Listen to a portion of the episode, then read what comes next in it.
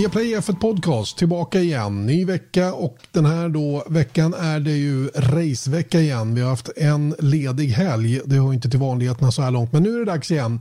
Vi ska nämligen köra Portugals Grand Prix och vi ska göra det på en bana där Formel 1 inte har tävlat tidigare. Autodromo Internacional do Algarve och den banan ska vi självklart prata en hel del om i dagens podd. Och vi kommer att ta hjälp av en världsmästare faktiskt att titta lite närmare på den.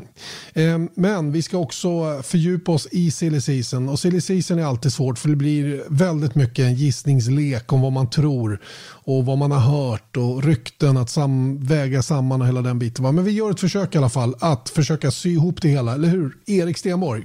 Ja, det ska vi göra faktiskt. Och, men du, nu när det är Portugals Grand Prix, har du varit i Portugal? Eh, ja, jag har mellanlandat på väg till Rio de Janeiro 2016. Men har du ingen vett Janne. Man kan inte Nej. räkna. Räknar du land som du har varit i när du har varit på flygplatsen? Nej, men du frågade om jag har varit i Portugal och jag har varit i Portugal på flygplatsen. Men, jag, men räkna, alltså, det är det jag menar, är inte det ingenmansland? Jo, det är det, det är det. Du har helt rätt. Jag, borde, jag tar tillbaka. Nej, jag har inte varit i Portugal. Nej, men ska jag berätta lite om hur det är i Portugal? kan du göra det, är du snäll? För du har varit där då, antar jag? Ja, jag har varit där. Och eh, jag har varit där och surfat sen, eh, senare, men framförallt så var jag där senaste gången som, som eh, Formel 1 var i Portugal, på Estoril 1996. Och det var första gången som jag såg en, en Formel, Formel 1-race eh, med egna ögon och det var en stor upplevelse. Jacques Villeneuve vann, han körde om Michael Schumacher i sista kurvan och eh, året därpå så vann han VM och så kommer jag ihåg att vi var där och spelade golf också och det var nästan det största. För då stod vi liksom på golfbanan och typ två mil från banan eller någonting sånt och vi hörde träningarna köras. Mm. Och det var ju, då började man förstå att eh, det här är någonting speciellt. Och så sitter vi här nu och gör en Formel 1-podd och jobbar med Formel 1. Eller hur? Fantastiskt. Det var, det var där det hände tror jag för min del. Visst var det det. Och den där goa, sköna skönsången ifrån V10 då som spred sig över golfbana och omnejd i största allmänhet. Mm. Så är det. Och sen kan man lyssna på Fado också i Portugal. De, de sjunger Fado, kallas det. Mm. Och så ja. äter man Men är det så bra det? gambas, mycket. Gambas äter man, just det. Atlant gambas. Mm. Så det är väl ungefär allt du behöver veta om Portugal så här långt, tycker jag. Ska Good vi prata idea, lite om silly season istället? Eh, silly season, ja, som eh, verkligen eh, börjar hetta till på riktigt allvar nu med, eh, ja, hetta till. Det är ju, I toppen är det väl mer eller mindre klart vilka som ska köra. Det är fortfarande en lucka i Red Bull. Ska vi börja hos dem kanske? Ja, vi tar väl team för team och så hoppar vi över dem som vi i praktiken är klara eller är klara. För de har vi pratat om så mycket under året, tycker jag. Så vi, låt oss börja med, med Red Bull och där är ju Verstappen är klar då, men då är frågan om Albons, Alexander Albons vara eller icke vara. Just det, Dr. Marco är eh, lite tveksam med all rätt kring hur de ska göra runt omkring Alex Albon som inte kommer upp på den nivån som Max Verstappen är på. Och det sjuka är ju att Albon är ju en stark förare precis som Pierre Gasly. Det är någonting som klickar där som de behöver lösa och frågan är om, om, det, är, om det är värt att slänga ut ytterligare en junior som kommer från deras juniorprogram för att testa med ytterligare en då, som aldrig har suttit i den här typen av bil förut. Och, och Det vi då landar i ju, är ju det som har nämnts, då, nämligen Nico Hülkenberg och Sergio Perez då, som är två väldigt starka kort, erfarna förare som, som eh, skulle kunna vara ett alternativ då de är tillgängliga. Mm. Men, men eh, återigen, alltså, frågetecknet är ju, är det det som är problemet? Eller är det svårigheten att köra in sig på den här bilen som är grejen? Och räcker det då med att heta Hulkenberg eller, eller Hulkenberg eller Perez för att, för att lösa problemet åt Red Bull? Mm. Ja, men, eh, Marco har ju sagt då att uh, if he continues to improve, alltså Albon då, att om man fortsätter att utvecklas. Jag tycker inte det är så him hemskt lätt att se utveckling så himla tydligt från hans sida faktiskt. Så jag vet inte riktigt vad han, vad han går på. De har ju mer data än vad jag har förvisso. Men, och sen så har han då samtidigt erkänt då att, att Hylkenberg och Perez skulle kunna vara ett alternativ. Och då skulle de ju liksom kliva bort från den här traditionen som de har haft att bara promota egentligen förare från Toro Rosso och Alfa Tauri. Förutom då när de tog in Mark Webber för ett herrans massa år sedan. Eh, så att det är väl lite det som ligger dem lite i fatet och jag tror inte riktigt man kan se på det här som en enskild grej. Att okej, okay, vi tar bort Albon. Okej, okay, och sen stoppar vi in någon annan. Men då, för de har ju två team, så det är de som måste liksom på något sätt lira ihop, eller hur? Mm, så är det ju. Ja, jag, är, jag har inte svaret på deras fråga. Jag, jag är bara så fundersam över vad det är som gör att, att bilen inte fungerar. Det är det, det, eller bilen inte fungerar för den ena föraren. Va? För att uppenbarligen är bilen snabb. Mm. Det visar ju Verstappen helg efter helg. Och, eh, han, han må ju vara en väldigt duktig racerförare. Men i normalfallet ska det ju som vi alltid säger inte skilja mer än kanske en, två tiondelar då mellan en väldigt, väldigt stark förare eh, och den förare då som, som kanske inte når upp till den nivån.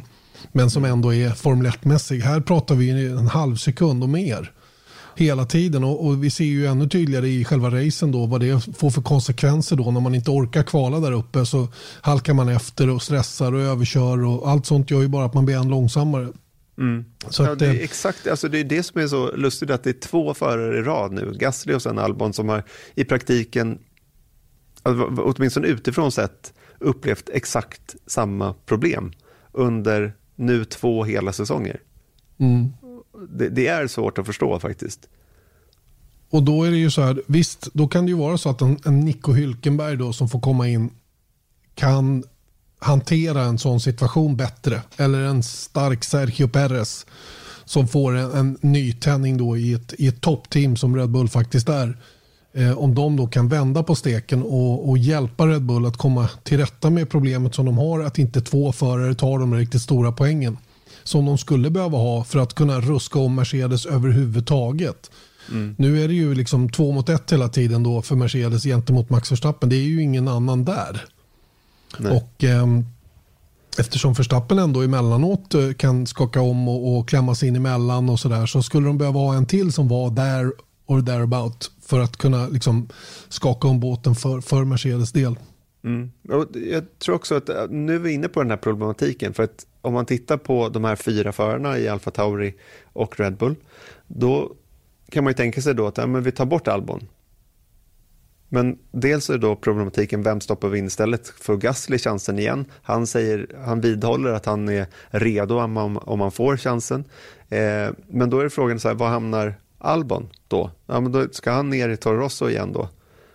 Och vad händer med Kviat och vad händer med Sunoda som ryktas, eh, ganska starka rykten, att de vill ha in honom i, i Toro Rosso, eller Alfa Tauri som de heter, till nästa år. Så det, det blir liksom en så här nollsummespel och speciellt då om de tar in en Hylkenberg för då är det en extra förare. Då ska de ha in två förare. Så att så här, Hylkenberg i, eh, i Red Bull stoppar ner Albon i Alfa Tauri, ja men då finns det ingen plats kvar för Sonoda om de vill upp honom. Och skicka iväg Albon bort från Red Bull som han redan har fått sparken en gång från, från Red Bull-familjen.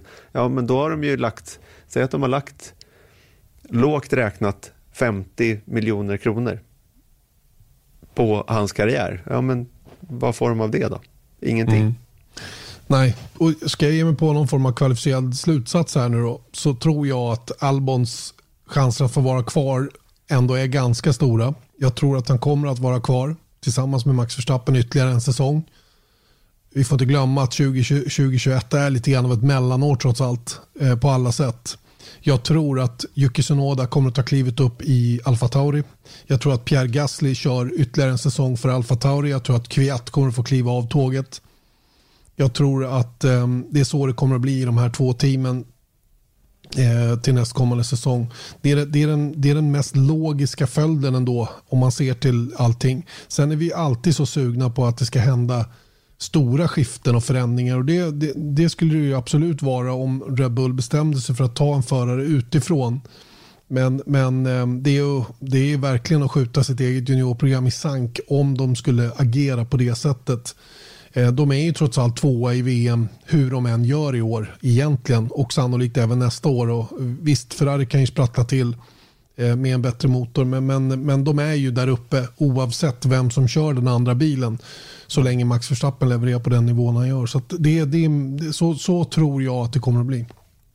Jag kan hålla med om det och sen så kan man ju ja, enligt Marco då så hoppas de på att kunna ta ett beslut till Turkiets Grand Prix. Men då kommer vi då, apropå när vi pratade om Gasly, går vi vidare till Renault, det franska teamet då. Där har man ju konstaterat då att Fernando Alonso ska köra nästa år och man har räknat ganska kallt med att Esteban Ocon ska göra detsamma. Men, vad säger du? Men ja, men ja.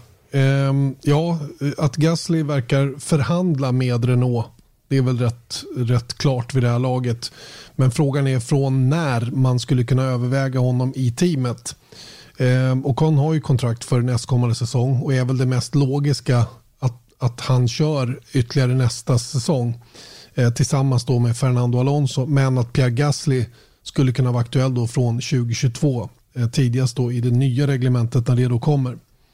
Eh, och, ehm, men men ehm, om Gasly är tillgänglig, om det finns möjligheter att frigöra Esteban Ocon från kontraktet så, så tror jag att det skulle kunna vara bra för Renault om Gasly kunde hamna där redan till 2021 för att börja jobba ihop sig med Fernando Alonso och vara med i processen när det gäller bilen 2022, hela den grejen. Alltså få ett års till kontinuitet om det nu är de två som ska köra den där bilen från 22 och framåt.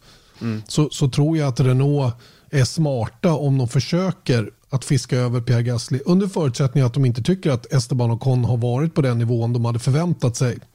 Och eh, lite grann börjar det ju låta så åtminstone från lite alla möjliga håll och kanter att, att Ocon kanske inte har varit så bra som, som eh, han har marknadsförts i alla fall tidigare. Nej, exakt så. Och då helt plötsligt, om Gasly skulle lämna Red Bull-familjen och gå till Renault, ja men då helt plötsligt, då kanske det ger lite livlinor till Albon för det första, eller kan du stoppa ner honom i Alfa Tauri för där finns en plats ledig och sen ta in en Hylkenberg istället i Red Bull. Till exempel. Precis, för då kastar de inte Albon under bussen utan då får han kliva ner och eh, får en ganska viktig roll då tillsammans med den unge japanen då, med ponerar att han flyttar upp.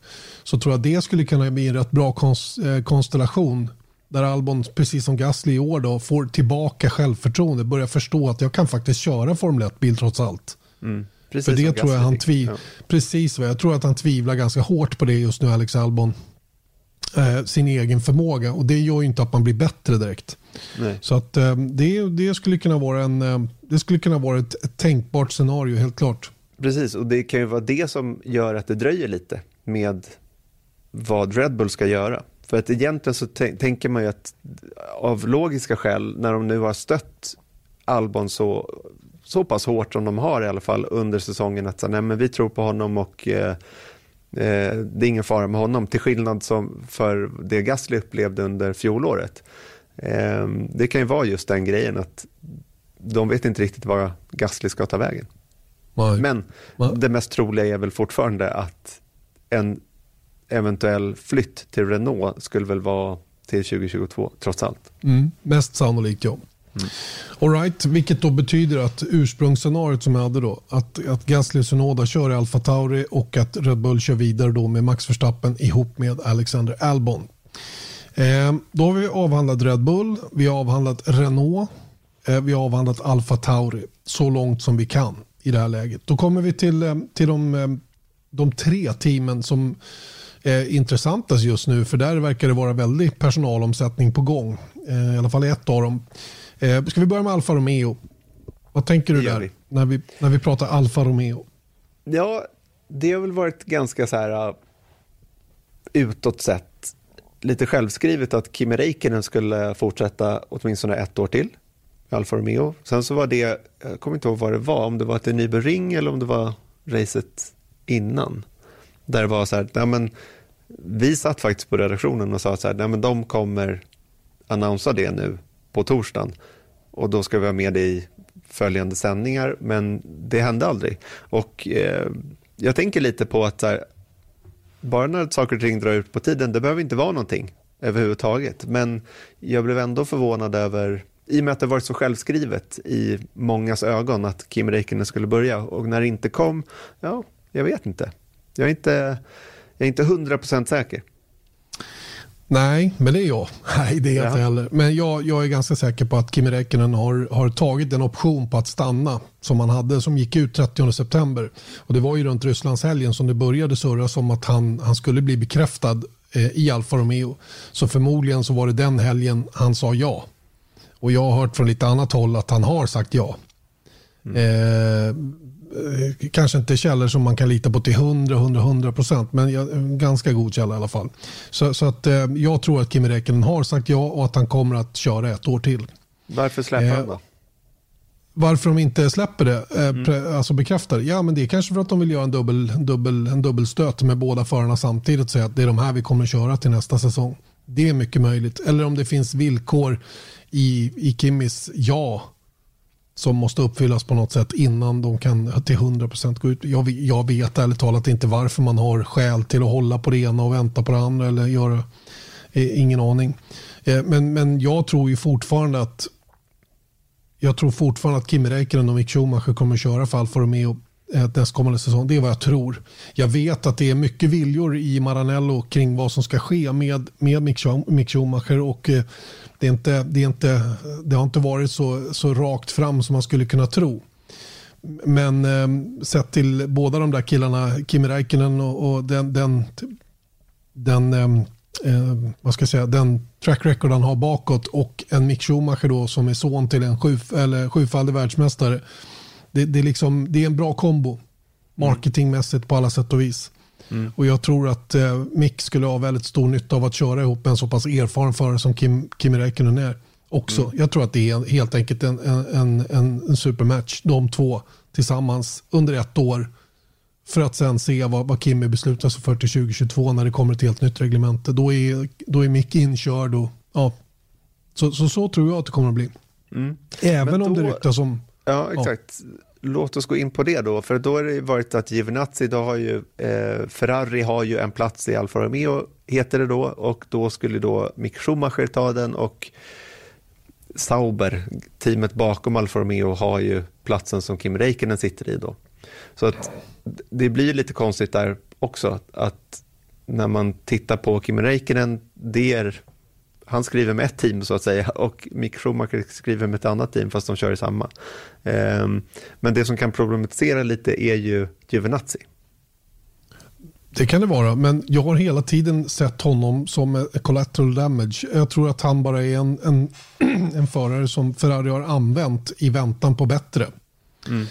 Problemet för Ferrari just nu är ju att Giovinazzi har gjort det ganska bra på slutet. Han är ju faktiskt poäng bättre än, än Kim Räikkönen. Han har dessutom 6-5 eh, på Kim i kval. Mm. Så han gör ju verkligen ingen dålig säsong och han är en helt okej okay racerförare. Verkligen. Eh, kommer sannolikt aldrig att bli Italiens nästa världsmästare och hela den grejen. Va? Men han är en helt okej okay racerförare.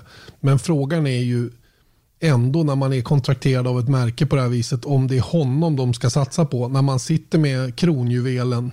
Nick Schumacher. Mm. Man har dessutom två andra starka juniorer som gör väldigt bra ifrån sig i Formel 2. Visserligen inte på någon starkare nivå än vad, än vad Giovinazzi gjorde i den situationen. Han var ju tvåa bakom Pierre Gasly då i GP2. Och, väl, och var med och slogs om mästerskapet hela vägen into, into the wire så att säga. Då. Så, så att eh, och jag pratar förstås om Callum Islet och Robert Schwarzman om de skulle vara bättre så att säga då, än vad Giovinazzi var i motsvarande läge. Då. Mm. Det tror jag inte.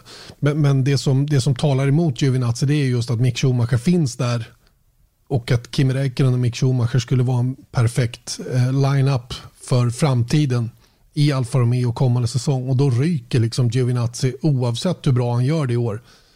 Och som, ja, och, ehm, och, och, och, när vi pratar om att han har gjort det bra, visst, han, jag håller med dig i allting, att han är en bra racerförare, det är ingenting att, att, att snacka om där, men han har tre poäng och Kimi har två. Han har ett kval bättre än Kimi, så det är inte så att han har mosat Kimi heller. Och jag tänker bara på så här marketingmässigt att Kimi Räikkönen, vilket är alltså Ferraris senaste världsmästare, och Mick Schumacher som är son till en gud i, i Ferrari-lägret. Liksom. Då, då, det finns inte så mycket att, att snacka om, rent logiskt tycker jag i alla fall. Du har helt rätt i det. Helt rätt i det. Det som stökar till det däremot är ju det faktum att det kommer ganska starka rykten om att Mick Schumacher skulle kunna hamna i Haas. Mm. Eh, Haas som är inte så imponerad av Ferraris motorer den här säsongen eftersom de själva tror att de har en väldigt bra bil. Eh, och att då motorn inte riktigt eh, levererar så, så håller det dem tillbaka då och att de, de på något sätt sätter lite extra press på Ferrari just nu då för att få eh, kanske lite ekonomisk support, större ekonomisk support, få tillgång till en Ferrari junior och varför inte då Mick Schumacher.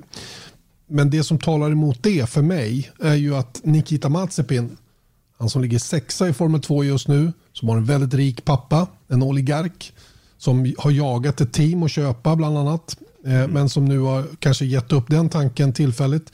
Men är definitivt kapabel att se till att få sin son in i Formel 1 under förutsättning att superlicenspoängen finns, vilket de verkar göra. Så Mazepin, om, om man tolkar tugget, så är han mer eller mindre redan klar för Haas. Mm. Eh, och eh, skulle verkligen Haas vilja ha två stycken rookies i teamet till nästa säsong? Inte så sannolikt i min värld i vilket fall som helst. Och Det gör ju att jag inte tror på Mick Schumacher i Haas utan i Alfa Romeo snarare. Och att en sån som, som eh, Sergio Perez är mer sannolik i Haas ihop med en Mazepin Mm. Bara ett, ett tänkbart scenario. Jag vet att Perez även då ryktas någon annanstans, vilket vi ska komma till om en liten stund. Men, men så ser jag på det. Och jag tror att både Magnusson och Grosjean, för att nu läser jag, Peter Nygård vet ju du vem det är. Mm. Dansk fotograf och, och eh, Formel 1-journalist. Och han är ju till 99,5 procent säker på att Kevin Magnusson har kört färdigt i Formel 1. Mm. Och eh, det säger ju inte han publikt utan att ha någon form av täckning bakom det. Eh, och de, det, det, känns lite modstulet där i, i Danmark i, i, just det avseendet och runt Kevin Magnusson. Och Romain Grosjean har ju pratat i termer om att han inte kör vidare i Formel 1 ganska länge nu, känns det som. Mm. Mm.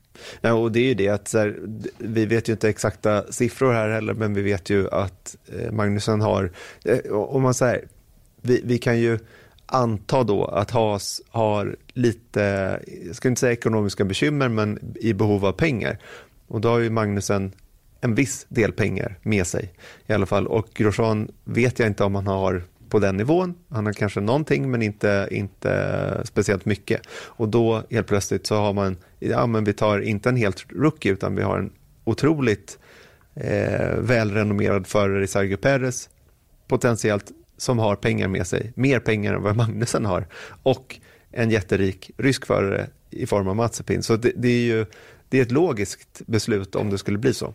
Mm. Så, så ser jag också på det faktiskt. Eh, sen är ju då frågan eh, hur, hur Haas, för de verkar ju ändå titta lite grann åt det här Ferrari Driver Academy-hållet då, kunna hjälpa till där. Om, om Callum Eilert eller Robert Schwartman då skulle kunna vara aktuella, att de köra ihop med Mazepin. Men då kommer vi till samma slutsats. Jag tror inte Haas är beredd att köra två rookies nästa säsong. Jag är inte det. Jag, är inte, jag, jag tror inte det. Ehm, jag har väl egentligen inget jättetydligt belägg för varför de inte skulle vilja göra det. Men jag, jag tror inte det är bra för det teamet helt enkelt. Att ha Nej. två helt gröna förare. Därav Nej. att stoppa in en sån som Perez är ju en superfördel. Exakt, och det är där man kan gå på då. Att det liksom, sen så kan man ju ifrågasätta då, så, okay, hur, stort behov, hur stort är behovet eh, hos Haas av pengar? Och vad är en Ferrari Junior värd i form av eh, lättnader på, av avgiften för leasingen av deras motorer. Vi vet ju inte exakt vad den dealen skulle kunna tänkas vara. Är de gratis, ja men då, då kan vi konstatera att det är väldigt mycket pengar. Kanske mm. mer pengar än vad Sergio Perez har eh, med sig in. Men är de inte gratis, ja men då, du vet, helt plötsligt blir det hur långt är ett snöre och hur stort är behovet. Så att jag tror att, men just som du säger, att om vi bara bedömer liksom förarkapacitet så, så är ju Perez ett, ett starkare val än en uh, Callum Islet. Mm. Och varför pratar vi inte Nico Hülkenberg här? Jo, för att Hülkenberg är inte alls i den finansiella situation som Sergio Perez är. På, på ja, långt när. Exakt, och jag tror till och med att Steiner har sagt att Hülkenberg är inte aktuell för ja. nästa år. Och han var ju på väg dit förra året redan, men tackade ju, då tackade ju teamet nej för han begärde för hög lön. Mm. Kort och gott. Va? Så det är väl det som, som diskvalificerar Hülkenberg från den diskussionen i vilket fall som helst. Men du, då kommer vi då till, till Williams där vi egentligen inte skulle ha dem med i den här diskussionen för båda förarna sitter på kontrakt för 21. Både mm. Nicolas Latifi och George Russell. Men då har det dykt upp eh, rykten, dykt upp, heter det så? Mm, rykten om att Sergio... Nej, inte dyket, dålig svenska. Um, um, då har det alltså dykt upp rykten som, som indikerar då att Sergio Perez tycker att det är en jättebra idé att hoppa på Williams-tåget med nya ägarna från Dorlington Capital och allt vad det nu är. Och att, att, att det då skulle vara en bra idé för Williams att plocka in Perez då med, det, med den finansiering som han har med sig då.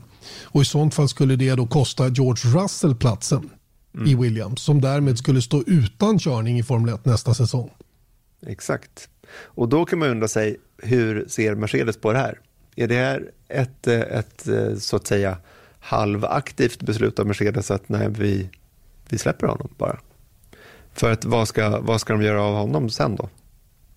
Ja, då ska de göra som med Ocon då. Att de betalar hans lön ett år vid sidan av. Mm. För att eh, eventuellt plocka in honom då. Men ja, istället för Valtteri Bottas till 22 då.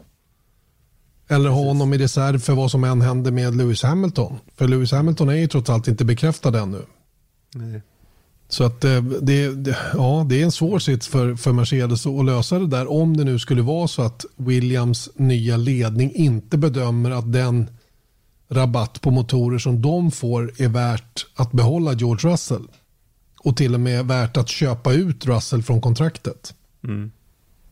Så att, eh, ja, men, vi, men det är ju så svårt att svara på eftersom vi, inte vet hur några kontrakt ser ut. Ni märker säkert att vi blir lösare och lösare i tyglarna så att säga. Ja, men del, dels det, men hur fasen ska man veta? Det, då måste man ju veta exakt vad som står i kontrakten och jag kan ju tänka mig och jag, jag, tror jag vet några som, som även gör, eller ja, sådana som har bättre koll på hur kontrakten ser ut, kanske ler lite i mungipan då när de hör hur våra resonemang rullar på mm. runt omkring saker och ting. Vi kanske är helt uppåt väggarna med allting.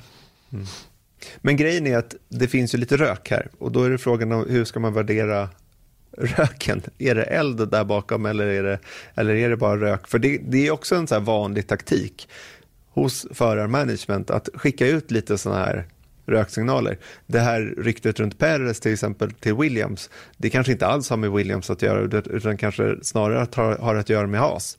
Att förhandla med dem lite grann. Så det är liksom, det, det är väldigt eh, eh, man vet inte exakt vem det är som droppar vad.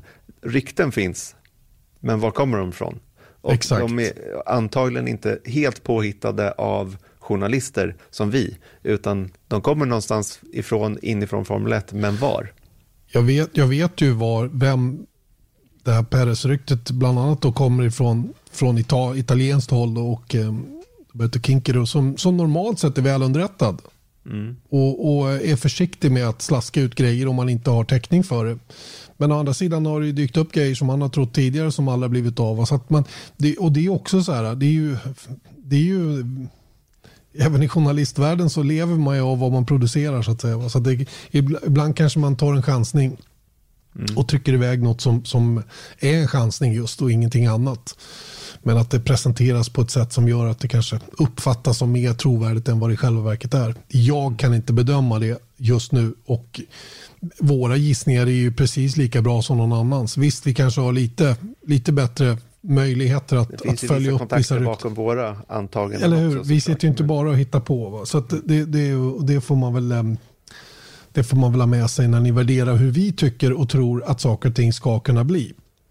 Men Janne, då tänker jag ja. lite, under tiden vi har suttit här och, och eh, orerat om olika silly grejer att det här är ju en höstgrej i Formel 1 överhuvudtaget. Att man liksom undrar vem som ska köra var. Och det är ändå lite intressant att för egentligen så är det inte så här, jaha, alltså då får han köra där istället och han kör inte. Men, men det är ju en otroligt central del av Formel 1 är just den här silly seasonen. Och det är ju lite min reflektion runt det här varför man tycker, eller varför jag tycker att det är så himla kul, är just att det ger, åtminstone mig, en lite större förståelse för hur Formel 1 fungerar. För det är en så himla komplex sport och det är just business. När det inte, det är egentligen bara en sport på, på lördagar och söndagar. utöver det så är det bara en, eh, en industri helt enkelt. Och mm. den är svår att förstå för att den är så hemlighetsfull. Men när man helt plötsligt förstår, i många fall i efterhand, vad hände med varför blev det som Marcus Eriksson? Varför åkte han ut egentligen? Ja, när, när det hände, då fick man en större förståelse för sporten i stort nästan. Och det är där jag tror att det som attraherar mig runt hela silly grejen För att man har sån sug att, att förstå den här sporten, för den är så svår att förstå. Visst, och det är oftast, eller oftast ska jag inte säga, men många gånger är det ologiska anledningar till att saker och ting sker. Ja, alltså om man bara tittar på resultat till exempel. Exakt, det var precis vad jag skulle komma till. Och att man sen försöker in, linda in då eventuella beslut till att det blir si och så i, i man försöker liksom hitta anledningar som inte är bara att man betalar en bra summa pengar för att köra. Och det, är ju, mm. det är svårt att komma runt det faktum att det, det, går inte att vara i Formel 1 utan att också vara väldigt välfinansierad på ett eller annat sätt. Punkt mm. slut. Precis, och det är en sån här grej som med Russell till exempel, att man tänker på honom, eller alla Red Bull-förare, alla som är liksom knutna till en fabrik. Då kan min så här, gut reaction vara att så här, men, shit vad jobbigt för dem att de sitter i klorna så mycket på någon annan. Att de, de har inte sitt eget öde i sina egna händer. Men, men ta George Russell, det är väl ett jättebra exempel. Absolut, men det är ju att titta lite, skrapa lite på ytan bara. För att han hade inte varit där överhuvudtaget om han inte hade haft backning från Mercedes. Så, så att, på så sätt kan man ju se det som att ja, han fick åtminstone två år om det nu visar sig att han åker ut till nästa säsong. Och jag menar, utan Mercedes så hade han inte varit där och Con hade inte varit i Formel 1 heller och eh, Ricciardo hade inte varit i Formel 1 utan Red Bull och det, men det finns så himla många sådana mm. stories. En för varje förare på griden faktiskt. Mm. Visst, visst sjutton är det så och alla behöver någon välgörare på vägen fram. Say hello to a new era of mental health care. Cerebral is here to help you achieve your mental wellness goals with professional therapy and medication management support. 100% online. You'll experience the all new Cerebral Way, an innovative approach to mental wellness designed around you. You'll get a personalized treatment plan from a therapist, prescriber, or both in a safe and judgment free space. Your cerebral therapist or prescriber will outline a customized plan with clear milestones along the way so you can get to feeling your best. With Cerebral, you're not alone in your mental health journey. We're here to empower you to live a fulfilling life. So take that first step towards a brighter future and sign up today at cerebral.com slash podcast and use code ACasts to get 15% off your first month. Offer only valid on monthly plans. Other exclusions may apply. Offer ends July 31st, 2024. See site for details. Och, och, det, och, det, och sen är det ju då hur mycket resultat väger i förhållande till vem som skakar fram pengarna och varför. Det är ju alltid det är den eviga diskussionen. Den tänker jag inte ta idag. Eh, ska vi glida lite in då på Indycar också? Mm. Och de har ju sin sista tävlingshelg nu då i, um, i St. Pete där de egentligen skulle ha börjat. Där du Erik var på plats helgen 14 och 15 mars och stod där och trampade under när ska de börja köra och så fick du åka hem. Knappt så du kom hem dessutom. Nej, exakt. Jag var i Florida i 24 timmar. Men det var härligt. Jag tog ett bad i en pool. Kul så länge det var. Åt middag där en kväll och sånt där och sen så åkte jag hem.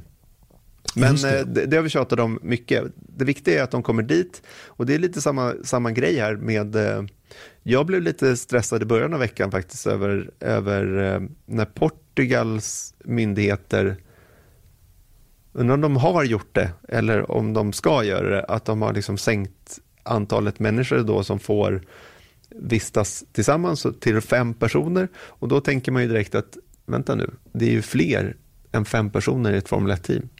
Mm. Men det har tydligen vissa avarter att göra med om man jobbar. Om man jobbar då får man samlas fler, men man får inte samlas på fritiden fler då. Men då är det också grejer att vi vet ju att det är folk som är på väg ner dit från Sverige, inte minst för att titta på Formel 1 till Portugal. Vad händer med dem? Exakt, det, får de komma det, in? Är de tillräckligt ja. underrättade om vad som gäller? Det undrar jag. Det där ska man nog ta väldigt noga koll på innan man sticker ärligt talat och inte åka ner på chans, vinst och mm. förlust utan verkligen ta reda på vad som gäller om det går att få reda på den informationen. I synnerhet om man gör sin egen resa och inte via någon större arrangör då, som kanske har ett större ansvar för att hålla reda på de där grejerna. Eh, men eh, visst är det jobbigt. Men oavsett det, vi landar i, i, i Indycar i alla fall då, silly season som tog fart också på riktigt allvar. Och jag tror det tog många på sängen här när eh, Motorsport.coms amerikansk korrespondent droppade bomben för en vecka sedan typ att eh, Felix Rosenqvist flyttar på sig mm. ifrån Chip Ganassi Racing till Arrow McLaren SP. Mm. En eh, skräll får man väl ändå säga. Chock skrev du till mig. Ja, när det kom ut ja. Mm. Och eh, jag, är typ, jag kan typ fortfarande inte riktigt tro det. Jo, nej. eller nej. Det, har, det, kan jag inte riktigt tro för det är inte bekräftat än heller. Nej, så det, det är det inte. Men det mesta talar väl för att det blir det så fort att de har kört färdigt den här sista tävlingshelgen. Då. Och eh, då kan man ju naturligtvis lyssna runt i vad som, vad som eventuellt har hänt och, och spekulera i varför den här flytten sker. Och eh, Det finns många olika scenarier runt omkring det här, självklart. Eh, nummer ett tror jag är att man lämnar nog inte Chip Ganassi Racing eh, bara sådär. Det, det tas inte lättvindigt på det ifrån Felix management att lyfta honom från ett av seriens bästa team, kanske det team som vinner årets mästerskap, till att flytta till ett team som har ambitioner att ansluta till de här big three och se mm. till att det blir big four. Visserligen har Aaron McLaren gjort ett bra säsong i år, ingen tvekan om den saken, både Pat Award och Oliver Askew så länge han var med. Eh, men det är ändå det är, det är inte ett steg uppåt. Det är ett steg, skulle jag säga, snett neråt. Och eh, därför så, så, väcker det lite tankar hos mig i alla fall. Man börjar ställa frågan hur rimligt är det här och vad är det som har skett? Och eh, ryktesvägen har man ju nåtts av att NTT Data kanske är på väg att lämna Indycar. Mm. De har ju varit sponsor på Felix Rosenqvists bil. Vilket då kanske innebär att de indikationer som, som eh, Rosenqvist och hans management fått är att ska ni köra vidare med oss så är det de här förutsättningarna som gäller. Förutsättningar som de inte kan leva upp till och därför har de sökt lycka någon annanstans. Så, så tror jag att det har gått till i vilket fall som helst. Sen, sen eh, får vi kanske aldrig reda på sanningen men, men eh, till att börja med så ska ju den här flytten bekräftas och det är den ju inte ännu. Så än, än så länge är det ju faktiskt ett rykte då som, som, som råder runt omkring det här. Mm. Men det presenterades på ett sätt som sa egentligen att det var klart. Ja. Ehm, sen så, som sagt, vi får vänta och, och se helt enkelt. Men, men av, av, allt att döma så känns det som att eh, att det är sanning i alla fall, att han kommer lämna mm. eh, CGR. Men eh, det är väl också den grejen att det, det är inte så, det har jag hört från andra, att det är inte så lätt att få tag i Felix Rosenqvist eller hans management just nu eh, angående det här. Så att, så att eh, och det är Nej, men det är klart, det är locket på ja. så länge det inte finns något att berätta. De kan ju inte säga någonting. Och det, det som händer om de börjar prata med journalister är att de måste börja kanske eh, ljuga. Eller i alla fall inte säga, svara, svara på frågorna. Och det blir bara en obekväm situation för alla som inte ser bra ut. Så att, hade jag varit medierådgivare så hade jag sagt lägg locket på nu tills dess att mm. det finns någonting att berätta. Då kan man komma fram. Och då har man dessutom en bra story att presentera om varför det har blivit som det har blivit och hur man tycker om att flytta och allt vad det nu är. Så det är en fullständigt rimlig åtgärd tycker jag. Eh, om man ser det från det hållet. Ehm, och Frågan är ju då vad som händer i Chip Ganassi Racing då om vi ponerar att den här nyheten stämmer att Rosenqvist flyttar på sig. Då, då har vi Scott Dixon som är bekräftad för nästa år. Vi har Marcus Eriksson som av allt att döma ser ut att bli kvar. Och sen har vi då den där eh, den tredje bilen då lite lustigt nu då med, med Jimmy Johnson som ska köra road och street courses men inte ovaler. Och det finns ju då ett, eh, Tony Kanan tillgänglig för att köra ovaler. Han är ju väldigt sugen att göra ytterligare en eh, avslutningssäsong. Då. Så det skulle kunna vara en bil då. Eriksson en bil, Scott Dixon en bil. Och sen är frågan om de tänker mönstra en fjärde bil eller inte. Om vi, om vi säger att Jimmy Johnsons blir ett extra tillskott i teamet, det vill säga den Rosenqvist-bilen då, om man fyller den med någon annan. Och där finns det lite kandidater som, eh, som skulle kunna vara aktuella. Jag tänker på Rinus VK till exempel då, som, som är ute och fiskar efter styrning eh, och har full budget efter vad jag har förstått då, eller i alla fall gott, en god finansierad situation. Men eh, det kan finnas ett utrymme för honom också i en rätt i Autosport där Ryan Hunter-Ray ser ut att kanske eventuellt få lämna. Mm. Och det är på grund av att eh. DHL ser ut att lämna.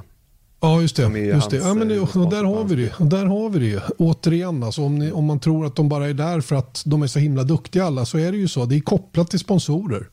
Mm. Och då finns inte den sponsorn kvar. Då måste man hitta andra alternativ. Och det är inte, det är inte så lätt tror jag för en kille i Ryan Hunter Rays ålder i alla fall att gå runt och övertyga någon ny sponsor om att ta hand om vad det kostar för honom att köra Indycar. Mm. Men jag tror också att det, det, det, är lite liksom, tunnare, eller vad man, ska säga, vad man ska kalla det, i Indycar. Att där kan det vara så att eh, DHL har ju varit en partner till Andretti och därav har de kunnat anställa Hunter Ray att köra den bilen. Men när den försvinner, ja men då försvinner också finansiering för bilen och därav försvinner Hunter Ray med den då. Mm. Och det är väl, man kan ju ponera i alla fall att om NTT Data är på väg bort från CGR där Felix Rosenqvist har haft sin styrning finansierad av dem så att säga och när den inte längre finns, ja men då finns inte heller bilen kvar. Nej, inte, inte under de förutsättningar som har rått i alla fall. Nej. Så, att, så att eh, det, det, det, är nog mycket sånt som händer. Exakt. Och eh, när Oliver Askew då eh, fick lämna teamet, eh, Aaron McLaren, efter lite speciella omständigheter uppfattar jag det som. Den här hjärnskakningen han åkte på under, under Indianapolis 500. Eh, de fortsatta tävlingarna därefter, den här intervjun som gjordes till Associated Press tror jag det var. Eh, om att han inte kanske tyckte att han hade blivit omhändertagen på det sättet. Det var väl inte Oliver Askew själv utan det var hans management som hade antytt det. Yes. Och, eh, vi har också förstått att Arrow är en väldigt tuff sponsor som bestämmer oerhört mycket hos eh, Arrow McLaren och eh, de blev kanske inte helt nöjda då med det där uttalandet och det kostade Askew-platsen. Mm. Ska vi kunna tänka oss att det är ett, ett, ett rimligt scenario? Ett rimligt scenario, ja. Inte mm. facit, mm. men det är ett rimligt nej, nej. scenario. Ett rimligt scenario.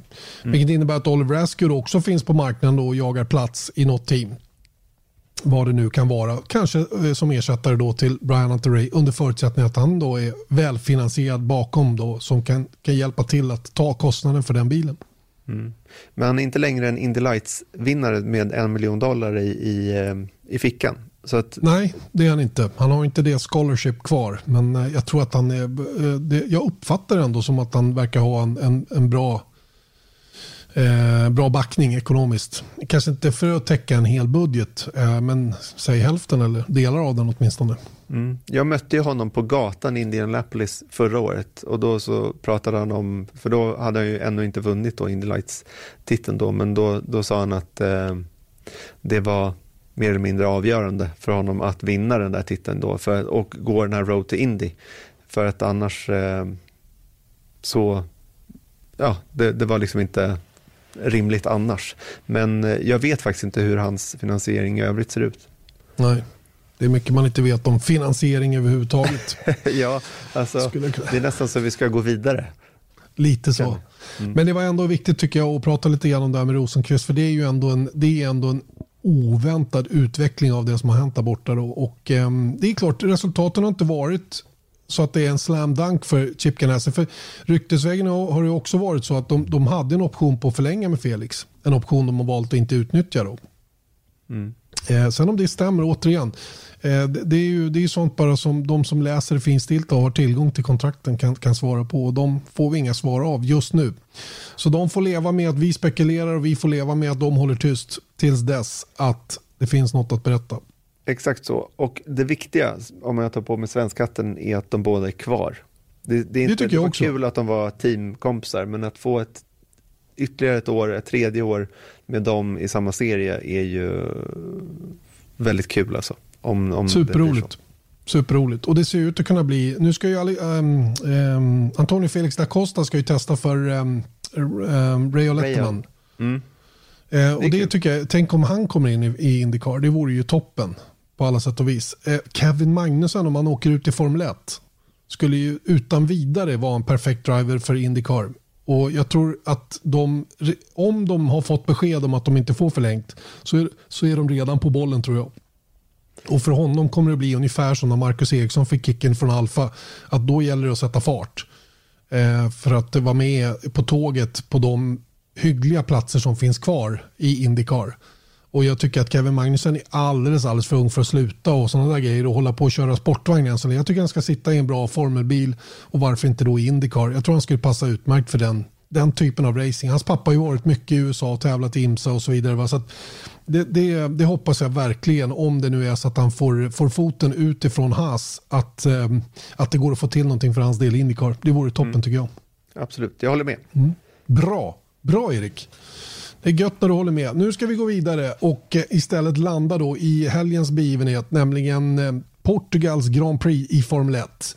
För det är nämligen det som står för dörren. Den tolfte VM-deltävlingen av 17 totalt då, som vi får ihop den här säsongen. Vi ska köra 66 varv på den här banan som är 4,6 kilometer lång. Och där eh, snabbaste varvet just nu hålls av vem? Nicolas Lapierre. Just det. Vad är det för bil?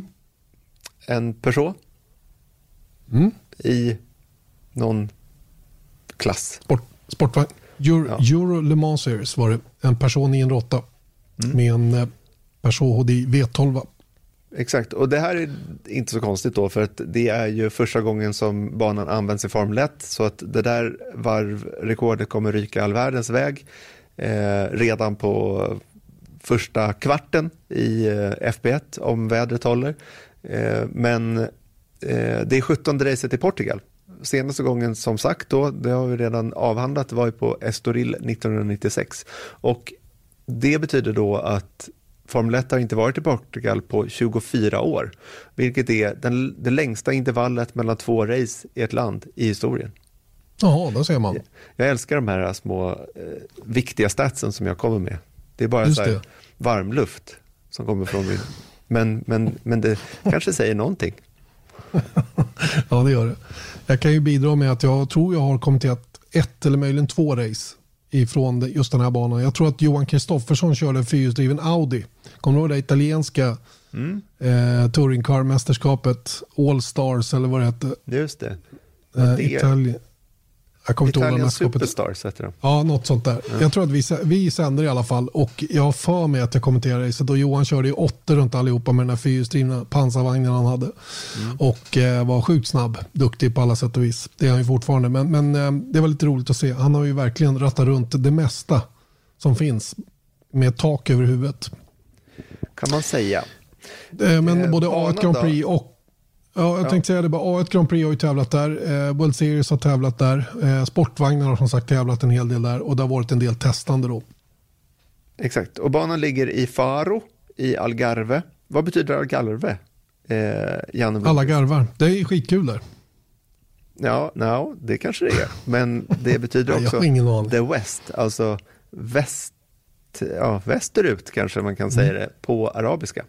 Just det, det stämmer ju, för det är så långt västerut man kan komma. Mm. Och vi, nu mer, det här blir som en, en improviserad quiz här. Men vilka tre förare från Portugal har startat i Formel 1? Två kan jag, rakt av. Pedro Lamy eh, och eh, Thiago Monteiro. Monteiro som faktiskt var på pallen i USAs Grand Prix 2005. Exakt så. Men då glömde du bort Nisha Cabral. Ja, det gjorde jag. Han körde 1959 till 1964. Ah, okay. Det förklarar. Jag säger som min svärson, jag är född 1967. Han brukade också säga att han är född 1993. När jag mm. kommer med några gamla stats. Du borde ändå hålla, hålla koll på liksom, att det här var ju runt din födelseår i alla fall. Jo, så är det. Nej, jag hade ingen koll på Nika, Nika, Nika, Nisha, Nisha Cabral. Nej, men banan i alla fall, den är ganska ny. Den kostade 195 miljoner euro att bygga och öppnades 2008. Och eh, som sagt, ingen Formel 1 där, men den har ju använts. Men det är inte någon sån här, ja, vad ska man kalla det? Att det är en sån här, även fast den är ny så är det inte en så här välanvänd klassisk bana som alla har kört på. Eller hur?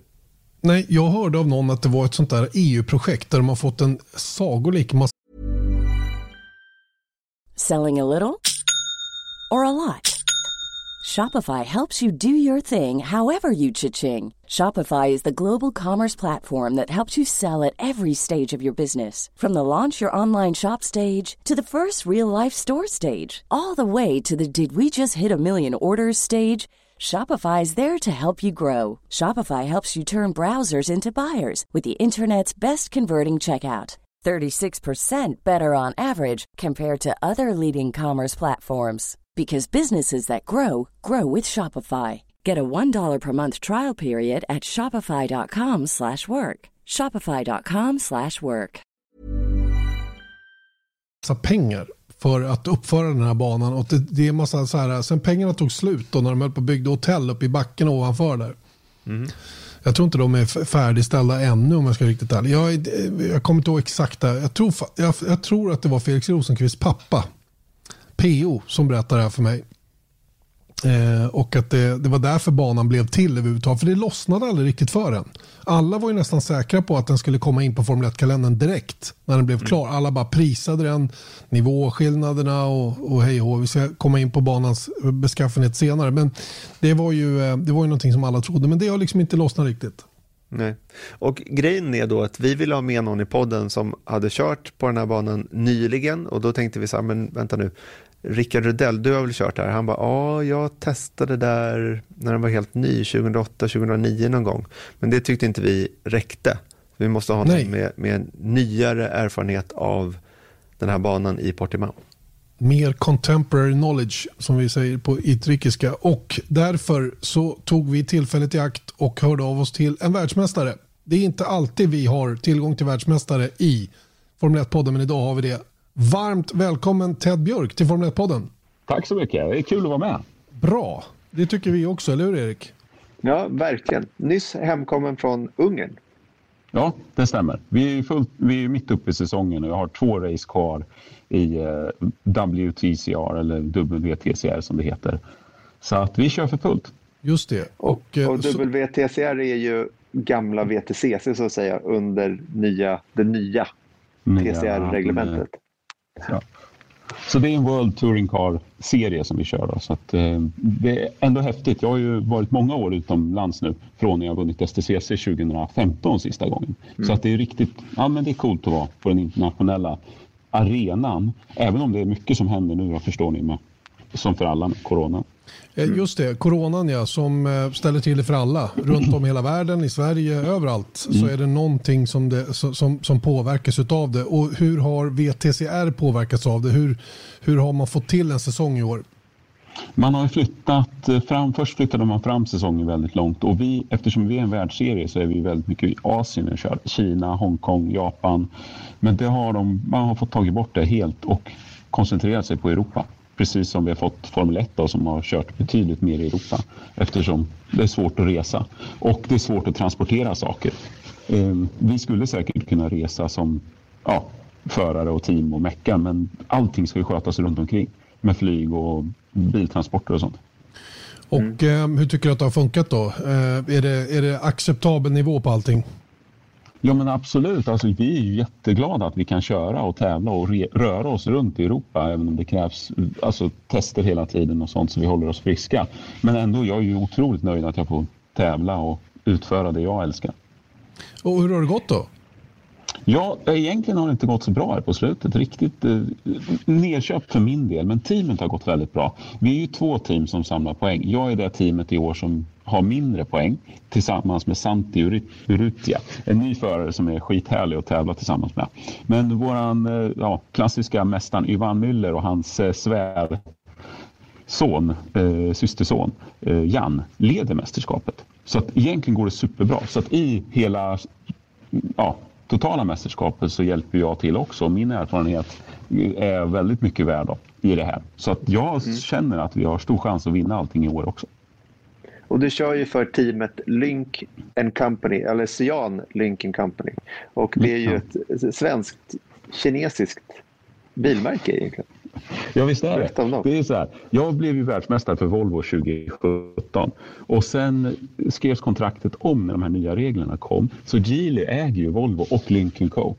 Mm. Och så nu vi tävlar med en Lincoln Co-bil, kinesisk bil, som ska lanseras i Europa och Sverige. Men eftersom allt har hänt har det blivit försenat. Då. Så bilen kommer komma till Sverige också. Jag har sett den live i Shanghai. En, ja, en Lincoln Company-bil faktiskt. Eh, Okej, okay. eh, kul ändå att, eh, att det verkar lösa sig för teamet då, även om du kanske har dragit det kortaste strået tillsammans med, med Santi Rucero under den här säsongen. Jag är säker på att du kommer tillbaka superstarkt till nästa säsong som förhoppningsvis blir lite lättare att genomföra. Du, men varför vi har dig med i Formel 1-podden det är för att du har färsk kunskap om Portimao. Banan där Formel 1 mm. ska köra Portugals Grand Prix. En bana där man testade Formel 1, testade där senast 2008 och då med helt andra typer av bilar. Eh, jag tror att många av oss eh, har rätt så dålig koll på just den här banan så därför så är det ju roligt att, att höra vad du tycker om den. Vad, vad, vad har du för generell uppfattning om banan om vi tar det i, i det stora hela så att säga? Ja, men I det stora hela så är det, vi har varit där och testat väldigt mycket för att den är, den är rätt knixig och den har några snabba partier. Så att den har ganska mycket av varje. Det är därför vi har valt att vara där. Men det generella är ju att jag tycker den har väldigt mycket grepp. Den är väldigt aggressiv mot däcken till exempel. Så att det ska bli väldigt spännande att se hur de, dagens F1-bilar klarar det här. Och dels är den rätt ojämn också. Vi testar det för att vi ska kunna ställa in stötdämpare och fjädrar bättre för andra banor eftersom den här, ja, det är, nog, det är väldigt ojämnt om jag skulle säga jämföra med andra Formel 1-banor. Och eh, det som är häftigt med den är att är, man kan åka på mycket attack när man har så mycket grepp i banan.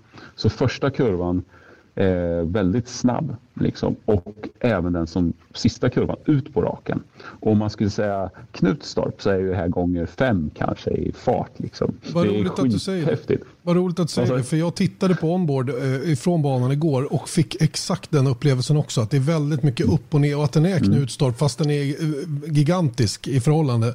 Eh, många snabba svängar där du inte har någon aning om var banan tar vägen om du inte kan det, vilket naturligtvis ett proffs kan. Men, men det är många blinda, liksom, blinda kurvor, eller hur? Ja, eh, det stämmer att det är många blinda kurvor. Men eftersom all, alla förarna kan ju banan då, med alla sim, simulatorer och allting sånt så är det inte så farligt just på den grejen. Men att det skiljer så mycket i nivå, det kommer spela större roll för hur man attackerar kurvorna till exempel. Och eh, som sagt, nere i Liton som vi kallar det i Knutstorp så är ju det här sista kurvan ut på rakan är gånger 10. Det är som Helix gånger 5 på, i Göteborg. Mm. men men okej, okay, vad, vad, vad, tror du då? Eh, hur ser du att, eh, för du följer ju Formel 1 också antar jag lite grann i alla fall så, när du hinner mm. och kan. Eh, hur tror du att de kommer att klara av den här banan? Eh, kommer den bli en extra utmaning eller kommer den att vara vilken, av vilken som helst så att säga?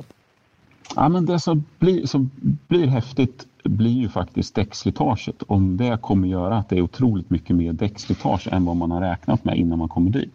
Det kan ju påverka strategin ganska mycket och vi har ju sett några spännande race bakåt nu, eller tidigare i år, att när däcken slits ut och du, ja, är det ett, två varv kvar och däcken är slut, vad ska du göra? Så det kan ju skifta positionerna rätt mycket så att det inte blir som enkelt uträknat. Och det tycker jag är häftigt. För då är det den som kan anpassa sig snabbast där. Men hur är det att köra på banan sett till, liksom, du, vi pratar om blinda kurvor och sånt där, men jag tänker på så här, vi pratar väldigt mycket om så här, avåkningszoner, gamla typer av banor, nya typer av banor. Va, vad är det för karaktär liksom, rent generellt på ja, den, här skulle, den här skulle jag säga är ju mer gammal karaktär. Åker du av så är det inte så mycket avåkningszoner utan det kan nog lätt ta stopp i ett räcke efter en liten stund. Så det är inte några jätteavåkningszoner, vilket kommer göra det tuffare. Alltså, det var ju länge sedan jag var med och tittade på Formel 1 på plats när jag körde 3000. Men det man märker då på träningar och sånt här, shit, då laddar ju förarna otroligt hårt och eh, testar en del avåkningszoner. Så det kan väl bli hårdare för dem inför racet. Men i racet sen så brukar de ju kunna vara jäkligt duktiga att hålla sig innan för gränsen. Då. Men så den, den är klassisk, med lite tuffare. Jag läste att George Russell trodde att det skulle kunna bli en del issues med just track limits då, det här med, med bedömningen av när man använder för mycket banor då, att vissa har ändå lite mycket asfalt precis utanför banmarkeringen då, vilket gör att man kan kanske ta med sig lite mer fart och att det blir den typen av bedömningar igen då som, som kommer att spela roll. Men du, du uppfattar inte riktigt det på det sättet? Jo, men det har man. Men då är det ju frågan om hur de tänker. Om de ska, det, övervakningen är ju så bra i Formel 1 med kameror och sånt här. Och det är ju om domarna blir stenhårda på att du ska ha två hjul innanför linjen. Eh, och det blir ju bedömningar. Missar domarna det så ja, då är det ju någon som får fördel. Men oftast är de ju så duktiga att ha koll på det här och verkligen håller kameran och kollar om de missa banan. I touring car så ställer man stora däck istället på utsidan och tvingar oss att åka på insidan. Och därför smäller det lite mer bilar på det sättet. Det kan man inte göra i Formel 1. Det är liksom alldeles för farligt. Men vi får däck istället då. Men eh, här så givetvis, förarna vill ju alltid säga att någon kommer få fördel av det.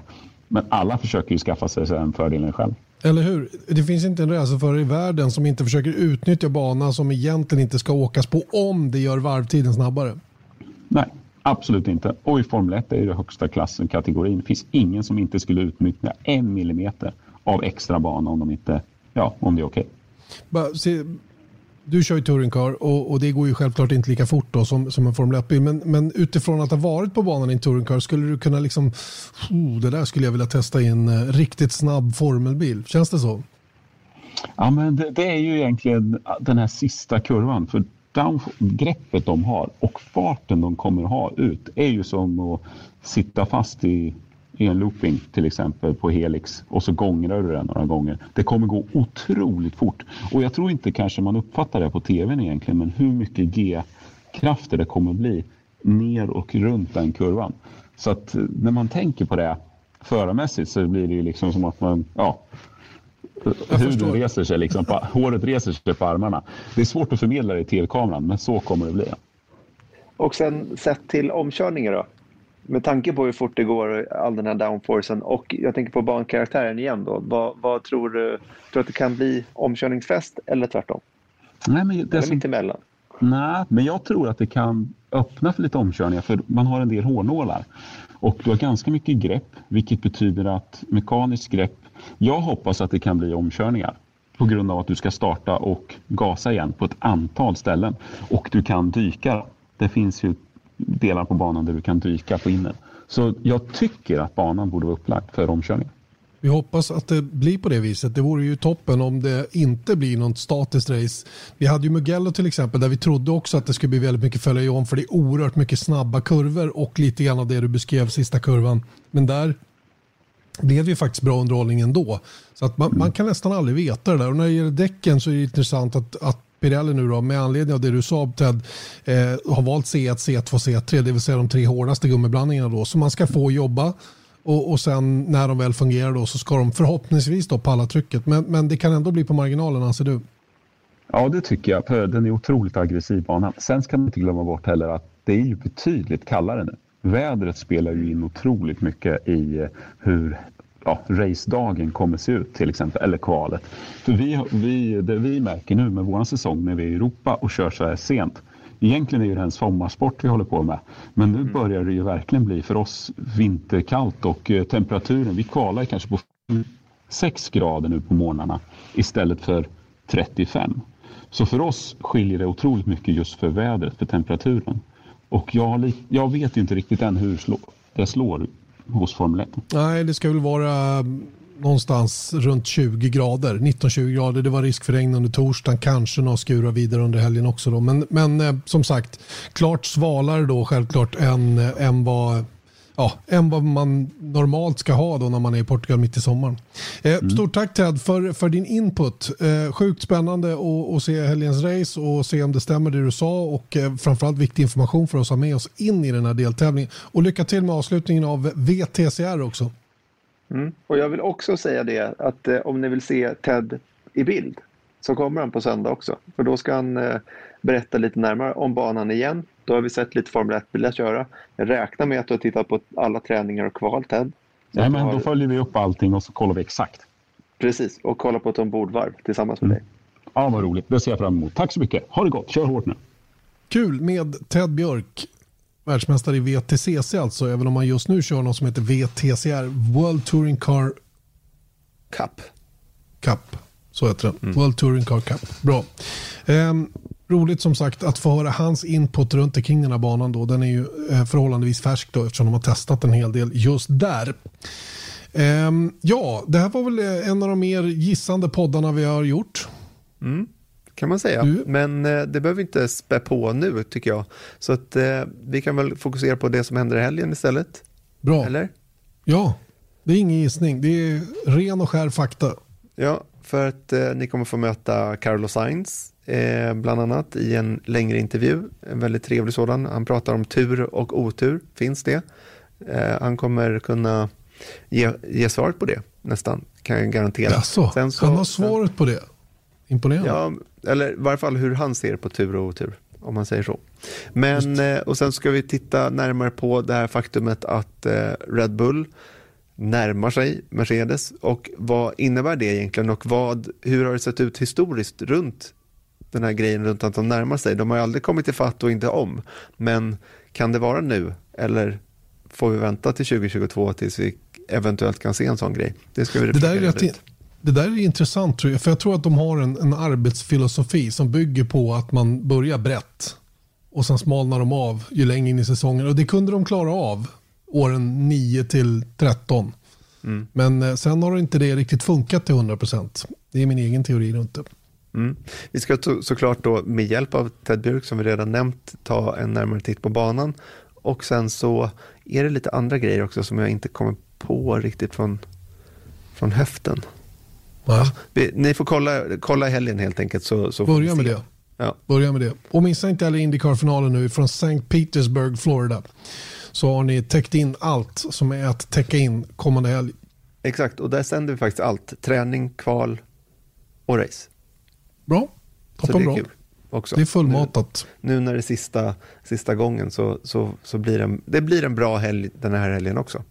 Absolut. Vi säger därmed oerhört stort tack och på återhörande till nästa vecka. Ha det gott. Hej då. Hej då.